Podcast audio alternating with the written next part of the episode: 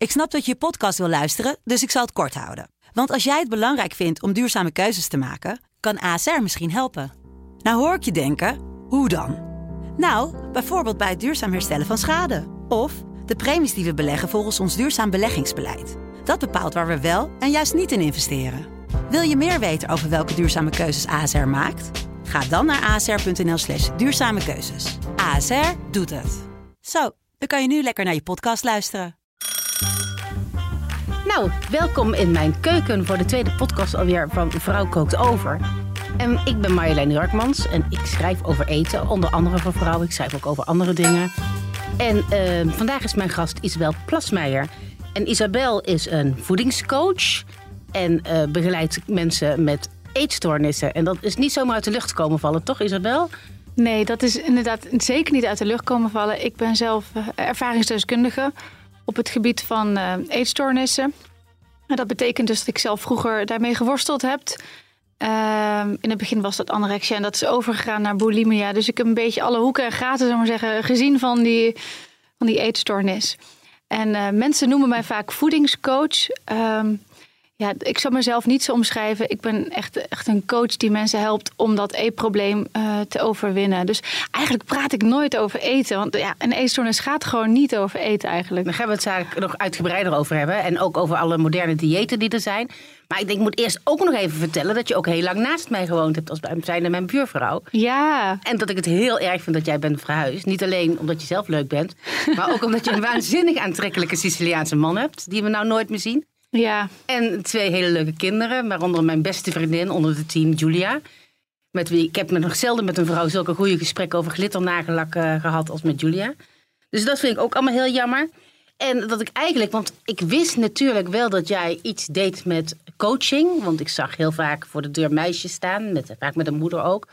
Maar nooit precies wat. Tot op de dag dat ik uh, naar buiten kwam en jij liep in korte broek. En wij hadden voor de Telegraaf, hadden wij bezig met een fotoshoot met vrouwen in korte broek. Dus zei, hey, wil jij even op de foto voor mij? En toen zei hij, ja, dat is goed.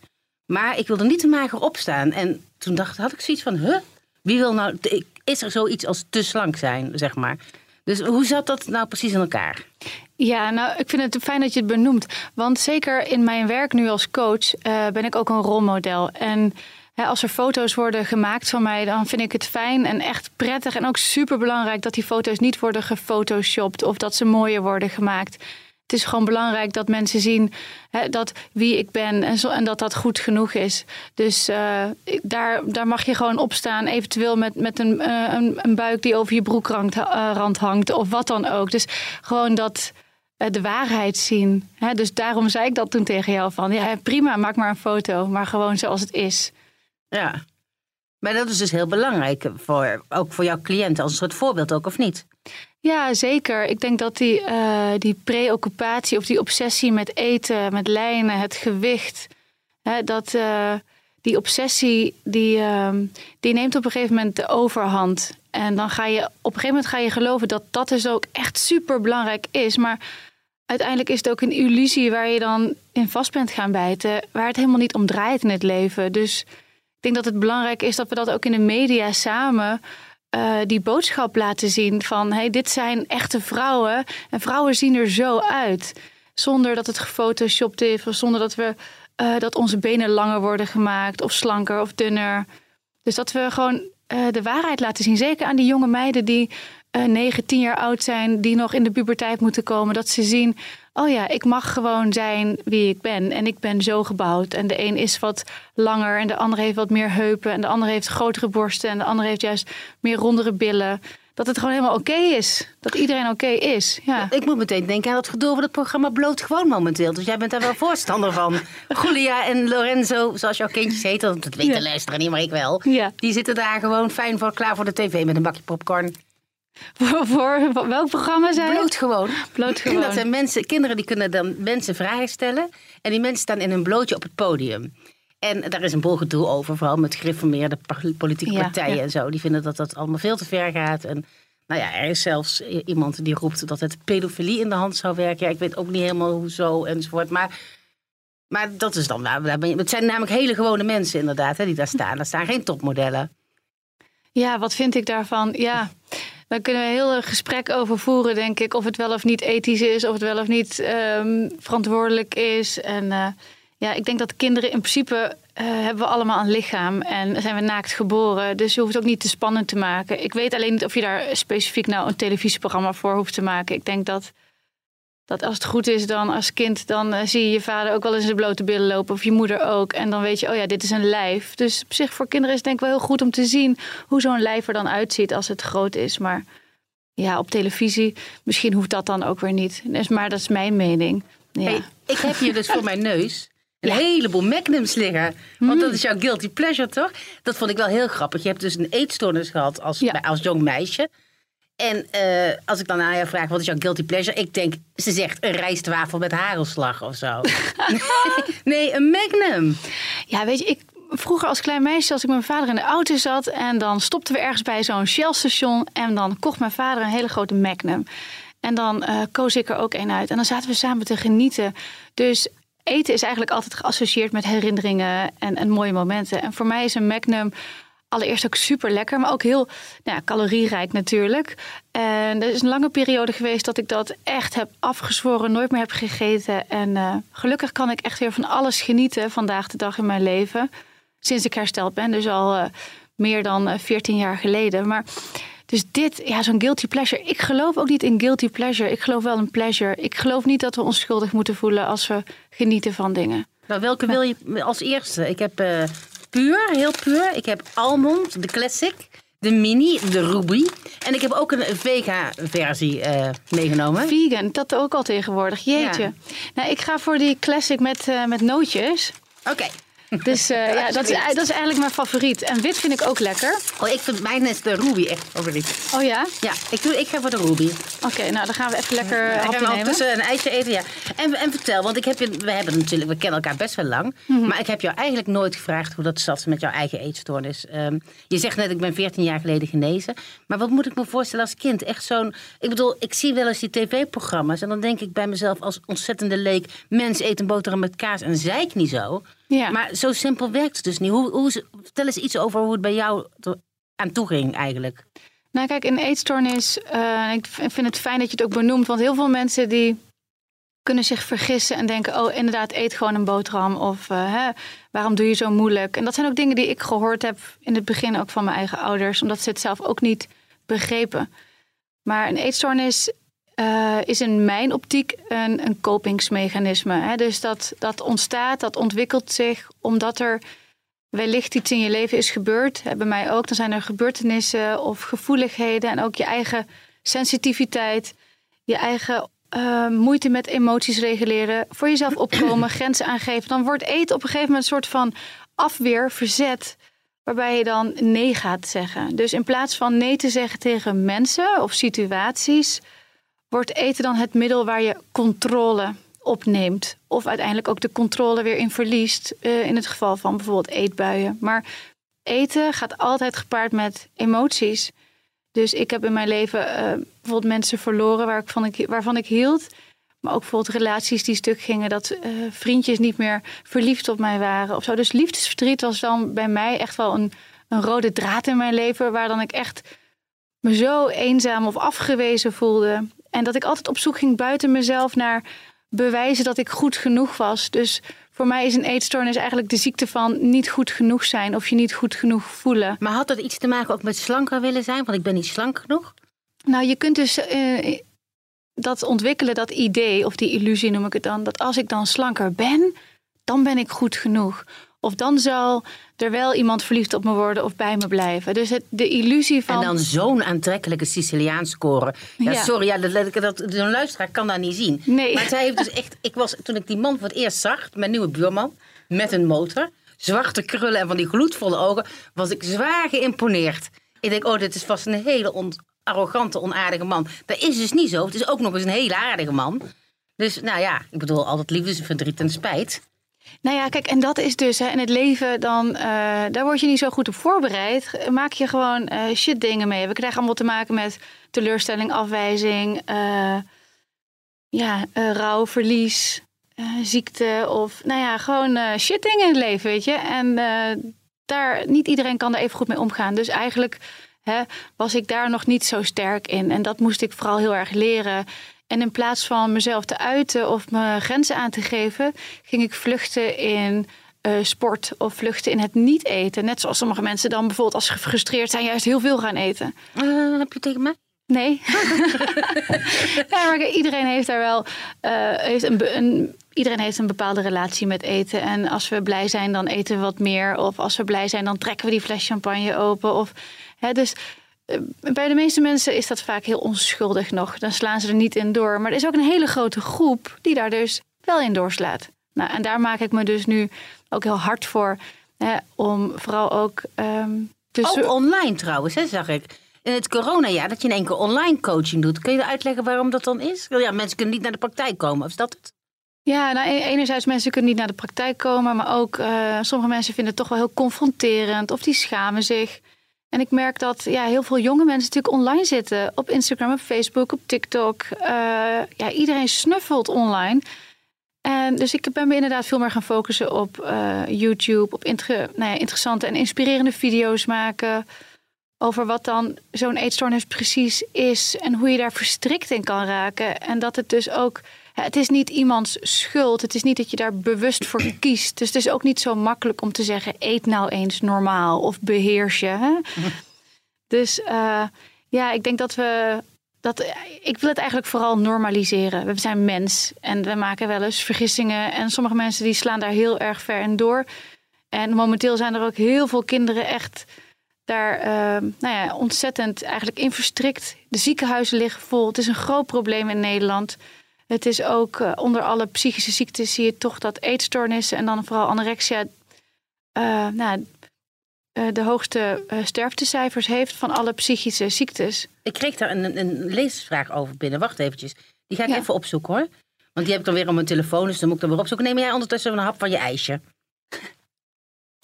Ja, zie je, die komt hier van Ene Heijn. Die zegt, het lijkt alsof er meer aandacht is gekomen voor stoornissen die betrekking hebben op eten. Zijn eetstoornissen nou eigenlijk een ding van de laatste tijd? Of heeft de opkomst van stoornissen met betrekking tot eten te maken met het uitbreiden van ons eetpatroon? Als wij bij gewoon aardappel, vlees en groenten waren gebleven, zouden dan ook minder mensen een eetprobleem hebben gehad? Mm Ja, nou ja. Ik vind het een uh, leuke vraag. Ik, en ik snap uh, de beredenatie ook wel. Uh, eetstoornissen zijn er eigenlijk zolang als de mensheid bestaat. Dus ook in de tijd van de Romeinen waren er vreedfestijnen. Waarbij de Romeinen op een gegeven moment een veer in hun keel deden. Zodat ze konden overgeven. En dan liepen ze daar weer terug aan tafel naar al die grote banketten. Ja. Dus bulimie. Alleen ons idee daarover en de naam die we geven aan het eetprobleem, dat verandert dus met de tijd. He, dus je ziet bijvoorbeeld dat uh, het, de DSM-5, dat is het psychiatrische handboek, wordt ook wel de Bijbel genoemd onder psychiatrische psychologen, maar daar staan allemaal diagnoses in. En, uh, maar het bestaat al super, super lang. En ik geloof niet dat het veranderende eetpatroon de eetstoornissen in de hand werkt. Ik, het, het, gaat vooral om de binnenkant. Hoe ga je om met emoties? En in hoeverre durf je dingen aan te gaan? Hè? Ga je het aan of vlucht je? Heel veel mensen zijn pijnvermijdend. En als het oncomfortabel wordt, of in een werksituatie of in een privésituatie, zijn ze eerder geneigd om daarvoor weg te lopen of discussie niet aan te gaan, dan dat ze dat wel doen. Hoe koop jij tegenwoordig eigenlijk met teleurstellingen? Als je bijvoorbeeld moet gaan verhuizen en dus die hele leuke buurvrouw kwijtraakt. Ja, dan ga ik heel hard huilen. Nee. niet, niet, niet, heel veel eten. nee, kijk, ik, uh, ik heb echt geleerd. En dat is ook alweer dat ik terug kan kijken op die periode van mijn eetstoornis. En dat ik ook dankbaar ben voor dat, ja, die transformatie eigenlijk. En dat ik denk, ja, wauw. Ik heb bij mezelf echt leren kennen. Ik moest echt in een, in een snelvaart... moest ik achter dingen komen waar sommige mensen een hele leven lang over doen. Hè? Waarom doe ik wat ik doe? Uh, waarom reageer ik zo op situaties? Dus als je dan coaching krijgt of begeleiding van een psycholoog of een therapeut. Ik had toevallig zelf ook een ervaringsdeskundige coach. Dat was ontzettend fijn. Maar dat heeft me echt geholpen. Dus hoe ga ik daar nu mee om? Ja, als ik verdrietig ben, dan huil ik. En dan denk ik, wat kan ik er zelf aan veranderen? Dus ik zal niet zo snel meer in de slachtofferrol kruipen en iedereen de schuld geven van mijn verdriet. Ik, ik weet heel erg goed dat ik zelf verantwoordelijk ben voor mijn eigen geluk. En dat ik zelf mijn eigen emoties kan veranderen als ik dat wil. Hè? Heel snel. Heeft dat trouwens, want ja, ik ben natuurlijk zo, zoals je ook weet, maar zoals de lezer inmiddels ook wel weet en de luisteraar bij deze dan ook. Ik ben natuurlijk altijd aan het worstelen met mijn lijnen. Ik ben dik en dan weer dun en dan weer dik en dan weer dun en nu ben ik weer dik momenteel.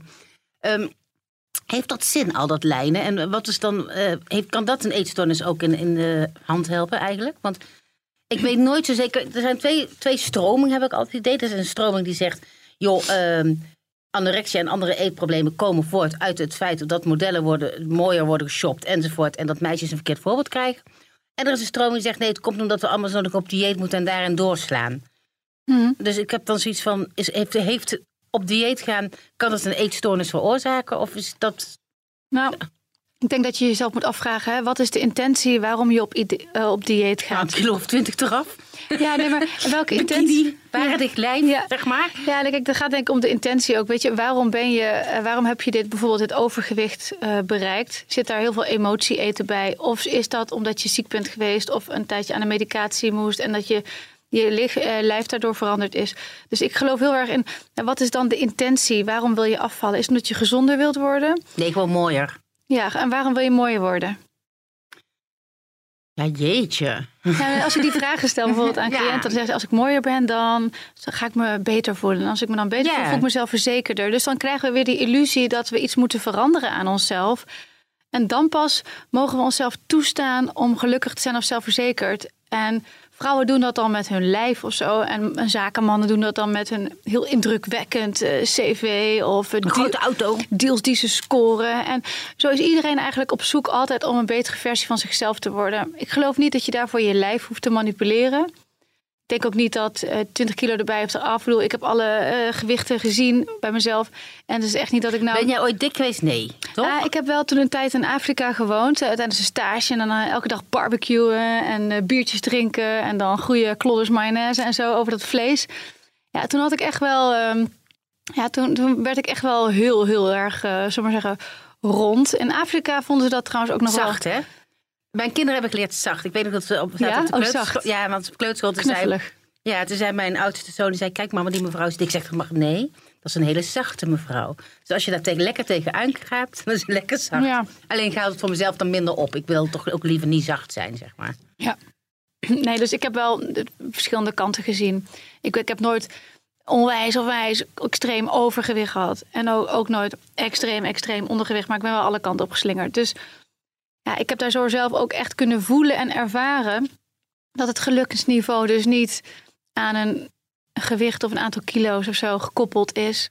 Dus ik denk dat mensen zich heel erg moeten afvragen van... Hè, eh, wat is de intentie waarmee ik wil afvallen?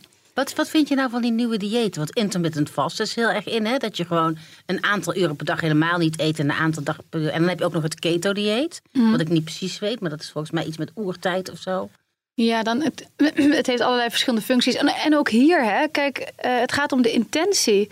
Er zijn mensen die aan intermittent fasting doen, omdat ze bijvoorbeeld eh, ziek zijn geweest, of ze hebben huidproblemen of een allergie of zo. Dus dan willen ze hun lever en hun organen een bepaalde periode van de dag rust geven. En het, het aantal andere uren eten ze gewoon en ook genoeg en voldoende. Dus het gaat niet om minder calorieën, het gaat meer om het tijdsbestek. Dus als je zoveel uur niet eet, dan kan je lever en je nieren kunnen eigenlijk alle afvalstoffen opruimen. Dat is het idee achter intermittent fasting. Even heel kort uitgelegd. En keto is ook weer dat je bepaalde voedingsmiddelen gaat schrappen, waardoor je lichaam in ketose komt, waardoor eigenlijk het lichaam vet gaat verbranden. Dat is eigenlijk hetzelfde als gewoon geen koolhydraten eten. Is Ja. ook ketose. Correct. Dus je komt in Atk- Atkins en zo. Ja, dus je komt in ketose terecht. En eh, dat kan voor een bepaalde periode goed zijn dat je lichaam eigenlijk aangewakkerd wordt om oude afvalstoffen of het overtollig vet op te ruimen. Maar dan, daarna moet je toch weer terug naar het integreren van alle voedingsstoffen, bouwstoffen en alle middelen. Hè? Wil je nog een eitje trouwens? Zometeen. Ik wil die witte proberen. Ja, die gaan we doen. Dan zetten we jouw naam op. Hè? Die witte is voor Ja, Isabelle. Zo. Dus, eh, maar dan moet jij ook even praten. Dan kan ik even ondertussen een Ja, ijsje ja, eten. ja, dan neem maar goed. Eet jij ondertussen even je ijsje op. Dan eh, zal ik even een leuke... Ik heb namelijk alle diëten gedaan ongeveer in mijn leven. Oh ja? Ja, Ik ook heel veel. Maar, Maar eh, bij ja. mij werkt het werkt dan, zeg maar, dat, toen ik geen keto, maar het koolhydraat, niet, geen koolhydraat eten werkte wel altijd het beste. Maar ik vind het zo moeilijk om het te zetten. Mhm. En dat komt niet door de, ik hou niet zo van rijst en ik hou niet zo van pasta en zo. Dus heb ik allemaal geen Brood kan ik ook nog laten staan. Ja, maar kijk, het is wel gevaarlijk. En dat wil ik, wel mensen meegeven. Heel erg into suiker.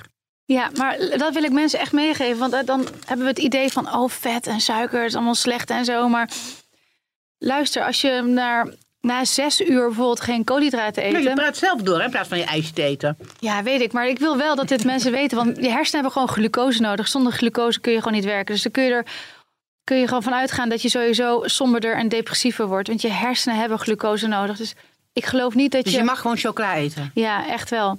En het gaat denk ik gewoon om de balans. En het lijf wil dat het liefste ook. En ik denk dat alleen maar diëten is niet de oplossing. Ik denk dat we allemaal misschien een shift moeten maken in de wijze waarop we leven. Dat we ook bijvoorbeeld een keer wandelen. En niet alleen maar achter de computer zitten of op de bank zitten of televisie kijken. Dat we zelf wat fysiek ook wat actiever mogen worden voor sommige mensen. Nou, we wandelen suf tegenwoordig in dit jaar. Ja, hartstikke goed toch? Ja. Leuk. Iedereen wandelt zich. eh, je kunt namelijk niks anders, hè? Restaurants, alles is dicht. Je kan alleen nog maar wandelen. Ehm, en al- ik zag dus van de week ook namelijk in de supermarkt drankjes waarop stond afslankdrankjes. En ik kan mezelf gaan, ja, ik praat nu even door en dan kun je gewoon even je ijsje eten. Heel lekker, doe Ik, maar. ik heb namelijk ook ooit een keer van een vriendin pillen gekregen, afslankpillen. Mhm. En die heb ik ook braaf geslikt, een week. En toen zat ik stuiterend in mijn bed. Was ik kon echt tegen een oog me dicht. Eh, Maar, nou, dat, voor volgens mij dat is niet een goede afslankmethode, denk ik. Drankjes en pillen. Neem nog een hap van je ijsje, want dan kun je daarna een antwoord geven. Want die witte moet je ook nog opeten. hè? Ja, kom maar. Ja, ik geef hem vast door. Ja. Hier, hoppa. Ehm, maar jouw vraag, Marjolein. Ja, mijn vraag is dus: ehm, pillen en drankjes als hulpmiddel bij het afvallen. Wel of niet doen? Ehm, ja, ik vind dat best wel een, een lastige vraag. Ik denk dat je daar heel erg bij jezelf moet kijken. Weet je, waarom, waarom zou ik dat doen? Ik geloof niet dat je een drankje eh, iets kan vervangen. Uiteindelijk eh, heb je dan toch als mensen leren, weet je, wat voor leefstijl past bij mij? Wat heb ik nodig? En hoe werken mijn darmen en hoe kan ik mijn darmen beter laten functioneren? Of hoe werkt mijn nieren, mijn lever?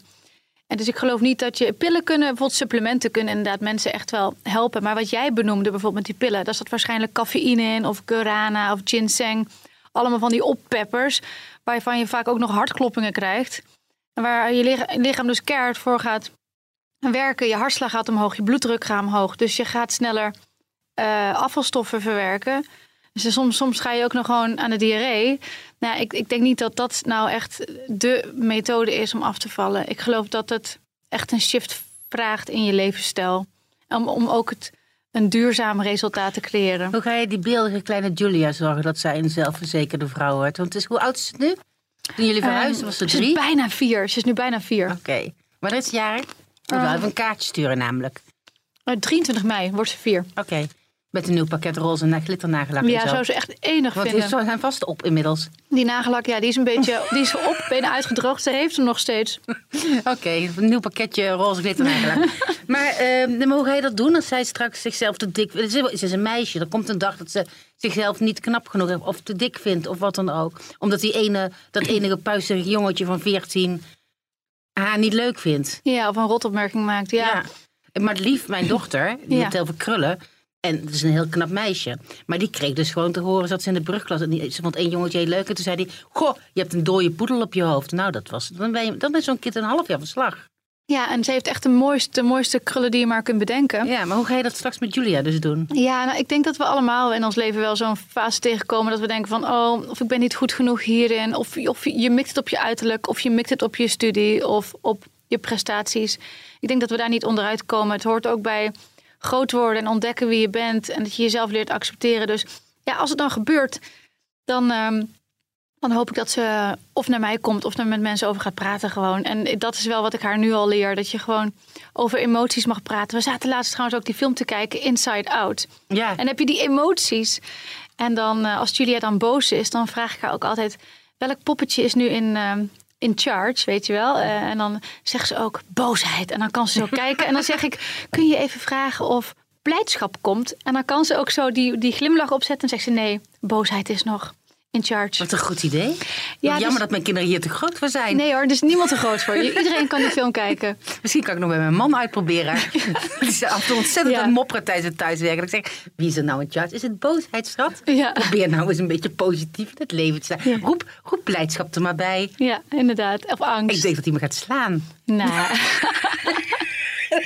Niemand is te oud voor. Nou, ik denk dat het gewoon ook uh, dat je kinderen mag leren dat. Uh, of bewust mogen worden dat er dus emoties zijn en hoe je daarmee om kan gaan. Want als kind. eetstoornis is in feite niet zozeer het gevolg van dun willen zijn of wat dan ook, maar van het niet kunnen beheersen van je emoties. Dat is eigenlijk wat je zegt. Of niet om kunnen gaan met je emoties. Ja, en dus controle zoeken op je lijf of je gewicht. En er zijn inderdaad mensen die uh, ooit gepest zijn, uh, bijvoorbeeld of een rotopmerking hebben gekregen. Ik heb ook wel eens opmerkingen gekregen vroeger van mensen. En achteraf gezien denk je ook, ja, het slaat nergens op natuurlijk. Maar op dat moment trek je dat je zo ontzettend aan. En, en dat blijft dan maar zo knagen in je achterhoofd. En hoeveel mensen van 50 kunnen nog herinneren wat ze verteld is toen ze zes of zeven jaar oud waren? Of die leraar, of van die vader of moeder. Alleen een onaardige opmerkingen. Je ja. kunt je echt niet herinneren dat iemand zei dat je zo'n mooie tekening had gemaakt. Je ja. kan je alleen maar herinneren dat iemand zei van... Goh, wat heb je toch altijd... Dat zeiden ze tegen mij ja. namelijk. Je bent beter altijd aanwezig. Je hebt zo'n schelle stem, hoor je overal bovenuit. Ja, ja, dat vond ik echt vreselijk. Ik ben heel lang durfde ik niet met te praten. Want ik zullen ze mijn stem wel weer schel vinden. Ja, nou ja, in plaats van dat mensen dan zeggen... hé, hey, wat ben je ontzettend enthousiast... en wat leuk dat je hè, ja. een mening hebt... en kun je ook even iemand anders de kans geven. Want dat is dan vaak het idee daarachter. Ja. Ik heb trouwens nog een vraag binnengekregen, zie ik, van Marieke. Die zegt van, ja, hoe zit dat nou precies? Want met dat intermittent vasten komen we nog even op terug. Want er zijn ook heel veel mensen die zeggen... ja, maar je moet juist om een paar uur eten. Minimaal zes keer per dag iets eten om zo je stofwisseling op gang te houden. En je verwarming aan te zetten enzovoort. Dus wat is nou wijsheid? Ja, wat is nou wijsheid? Ik denk dat uh, iedereen echt moet kijken naar zijn eigen lijf. En dat je naar een diëtist moet gaan die samen met jou kijkt naar wat bij jou past. Dus nogmaals, intermittent fasting wordt soms ook door mensen gedaan die bijvoorbeeld ziek zijn geweest of kanker hebben gehad, die hun lijf een boost willen geven. En dat het lijf dus gedetox moet worden. Dus het gaat, nogmaals, het gaat echt om die intentie. Waarom wil je dat doen? En ook voor deze dame die nu die vraag stelt: wat moet het doel zijn van dit dieet voor jou? En ik denk dat je het doel voorop moet stellen en dan moet kijken wat past dus bij mij. En niet andersom. Ja, um, wat ik nog even wilde zeggen. Ja, jij doet ook iets met de overheid nu, toch? Want we hebben nog helemaal jouw website niet genoemd. En dat vind ik dan wel belangrijk. Dat Isa Power is het bedrijf zelf, toch? Ja. Maar wat is dan de naam van het wat je voor de overheid... Wat doe je precies en wat is de website? Ja, want we hebben inderdaad, leuk dat je er naar vraagt, omdat er dus zoveel uh, meiden en jongens nu worstelen door die coronaperiode, uh, um, zijn er dus echt een, bijna een 30% toename in mensen met eetstoornissen. Echt waar? Ja, dus en dan hebben we het echt over uh, ernstige anorexia, of bulimia. Ik, ik, kom, ik kom even tussendoor, dan kun je ja. een hap eitjes nemen. Want ik kreeg dus een brief onlangs van een ja. meisje die zei, ik ben juist van mijn eetstoornis afgekomen door corona. Mm -hmm. Want ik, hoef toch, ik word toch door niemand beoordeeld, of ik kom niet meer buiten. Dus ja. kan ik ook gewoon rustig in een joggingbroek een boterham gaan eten zonder me schuldig te hoeven voelen. Ja, en dat, en dat kan ook echt zo, zo voor dat meisje helemaal kloppen. En hartstikke fijn ook voor haar. Supergoed. Um, sommige kinderen raken juist hun structuur kwijt. Uh, school, vriendjes niet meer zien. Dus die raken in een sociaal isolement. Of als het thuis al een onveilige situatie is.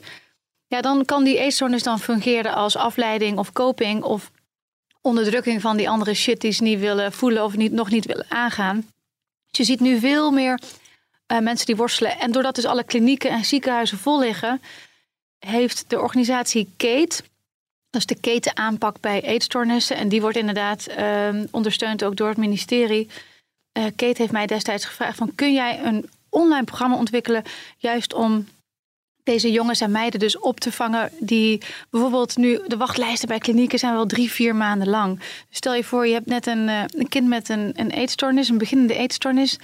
En dan wil je hulp, ga je naar een huisarts. En die zegt dan, ja, we sturen je door naar een kliniek. En dan zegt die kliniek, ja, we hebben een wachttijd van vier maanden. Nou, dat kun je gewoon niet hebben. Kan je kind doodgehongerd hebben tegen die tijd? Correct. Dus dat, dat gaat van kwaad naar erger. Dus daarvoor hebben we dus ook die, het online programma gemaakt. Dat is een videoserie, die is uh, psycho-educatief, maar ook inspirerend. En er is een speciale website die heet uh, stopmetwachten.nl. En daar bieden we dus hulp aan bij mensen. Daar kunnen ze ook vragen stellen. En het gaat alleen om eetstoornissen of gaat het ook om andere psychische stoornissen? Want er zijn natuurlijk heel veel mensen die heel erg in de knoop zijn zitten het afgelopen jaar. Ja, er zijn inderdaad angststoornissen ontstaan, paniekstoornissen. Ik, eet, ik bak gewoon weer een taart extra en dan kom ik de dag wel door. Maar... Ja, ja. dat kan ook. Ja. Of je gaat de hond uitlaten of zo. Dus er zijn ook. Ja, eerst die taart in de oven, dan de hond uitlaten. Ja, inderdaad. En dan goed op tijd terugkomen, anders is hij zwart. Precies, een mens moet prioriteiten stellen. ja, nee, maar dus die, die uh, online serie hebben we dus gemaakt eigenlijk om die uh, jongens en meiden op te vangen. Maar we zien dus ook dat het ook bekeken wordt door gewoon vrouwen van 40 of 50. Want een eetstoornis kan iedereen overkomen. En ook mannen. Laten we mannen ook niet vergeten. Dus het is, dat programma is wel bedoeld echt voor mensen die worstelen met epromatiek. Of het nou anorexia of bulimia is, of emotie eten of binge eating, hoe je het ook noemt. Alles wat daartussen zit. En eh, ja, dus ik ben blij dat dat gelukt is. En dat het, eh, iedereen kan die serie dus nu bekijken. Er zit een werkboek bij met oefeningen. Dus dan kun je thuis aan jezelf aan de slag. En dat werkt dan? Want als je thuis aan de slag moet en je hebt een eetstoornis, dan denk ik bij mezelf, ja, als er geen stok achter de deur is die zegt, goh, ben je nou weer afgevallen, dan ziet het niet op, toch? Ja, dat is natuurlijk ook lastiger. Maar ja, als er helemaal niks is, is het nog lastiger. Ja, en dat is eh, waar. Ja, dat proberen we ook in dat programma te stimuleren. Dat ze dus wel in gesprek gaan met ervaringsdeskundigen. Of dat ze naar inloophuizen gaan. Want die zijn gelukkig wel allemaal open. Al die inloophuizen. En ja, dat ze hun ouders, hun eigen supportnetwerk daarin betrekken ook. Hoe ben je er zelf ooit uitgekomen eigenlijk? Want je- 14 jaar geleden was het over, maar hoe? Heb Ja, jij in een kliniek gezeten of was het een... Ik heb verschillende dingen gedaan. Allereerst was het denk ik gewoon erkennen dat ik een probleem had waar ik zelf dus eh, wat ik niet op kon lossen.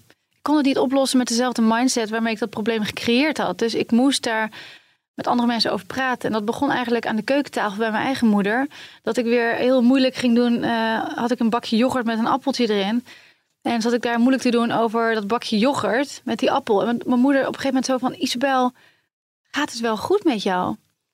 En ik zo, ja, ja, ja, heel onrustig natuurlijk altijd. En ik durfde er ook niet echt aan te kijken. En toen, toen kwam ze naar me toe gelopen. Zei ze, gaat het wel goed met jou? En toen brak ik. Toen brak er iets in mij. En ik begon zo hard te huilen. En ik kon niet meer stoppen. Ik heb denk ik al een half uur heel hard gehuild. En toen riep zij meteen, we moeten naar de huisarts. Want ik riep dus door het snikken door. Ik denk dat ik anorexia heb. En toen zei ik, oh nee, nou, misschien is het wel bulimia. Want ik geef ook over. Ik weet eigenlijk niet wat er aan de hand is met mij. En ehm, ja, dat moment kan ik me nog zo goed herinneren. En dat ze zei, we moeten naar de huisarts. En daar begon het. En toen ben ik naar eh, een reguliere GGZ gegaan in Tilburg destijds. Want toen woonde ik dus in Brabant. En daar heb ik gesprekken gehad met de psycholoog. En ja, weet je, dat, dat merkte ik des- destijds ook wel... dat niet elke hulpverlener daar evenveel verstand van had. Dus het eerste wat ik te horen kreeg was... ik vroeg aan die mevrouw, kun je hier echt van afkomen? Ik wist namelijk niet echt wat mij overkomen was. Ik wist wel dat ik heel moeilijk deed met eten... en dat ik bang was om aan te komen... en dat ik belangrijk vond om veel te sporten. En ik, ik durfde ook niet meer stil te zitten. En ik had paniekaanvallen en dat soort dingen. Maar op dat moment, die hulpverlener snapte er ook niet zo heel veel van. Dus die zei op een gegeven moment tegen mij... ja, je zult er wel nooit helemaal van afkomen. Eet gewoon een boterham. Nee, dat zijn niet... Ja, nou even... Nee, ze, was, dus- ze was iets, iets eh, ze had er iets meer eh, verstand van misschien dan de meeste mensen, maar ook niet zo superveel. Dus ja, daarna ben ik in contact gekomen met ervaringsdeskundige mensen en een praatgroep. En dat heeft me heel erg geholpen. Toen dacht ik echt, oh, er zijn gewoon meer mensen die er last van hebben. Ah, en dit zit eronder. Het gaat helemaal niet over eten. Dus Neem nog een eh en daar zelf ook achter komen. Neem nog een Magnum. Ja, we eten ze allemaal op zo meteen. Ich bin wie du. Ik leef niet meer voor jou.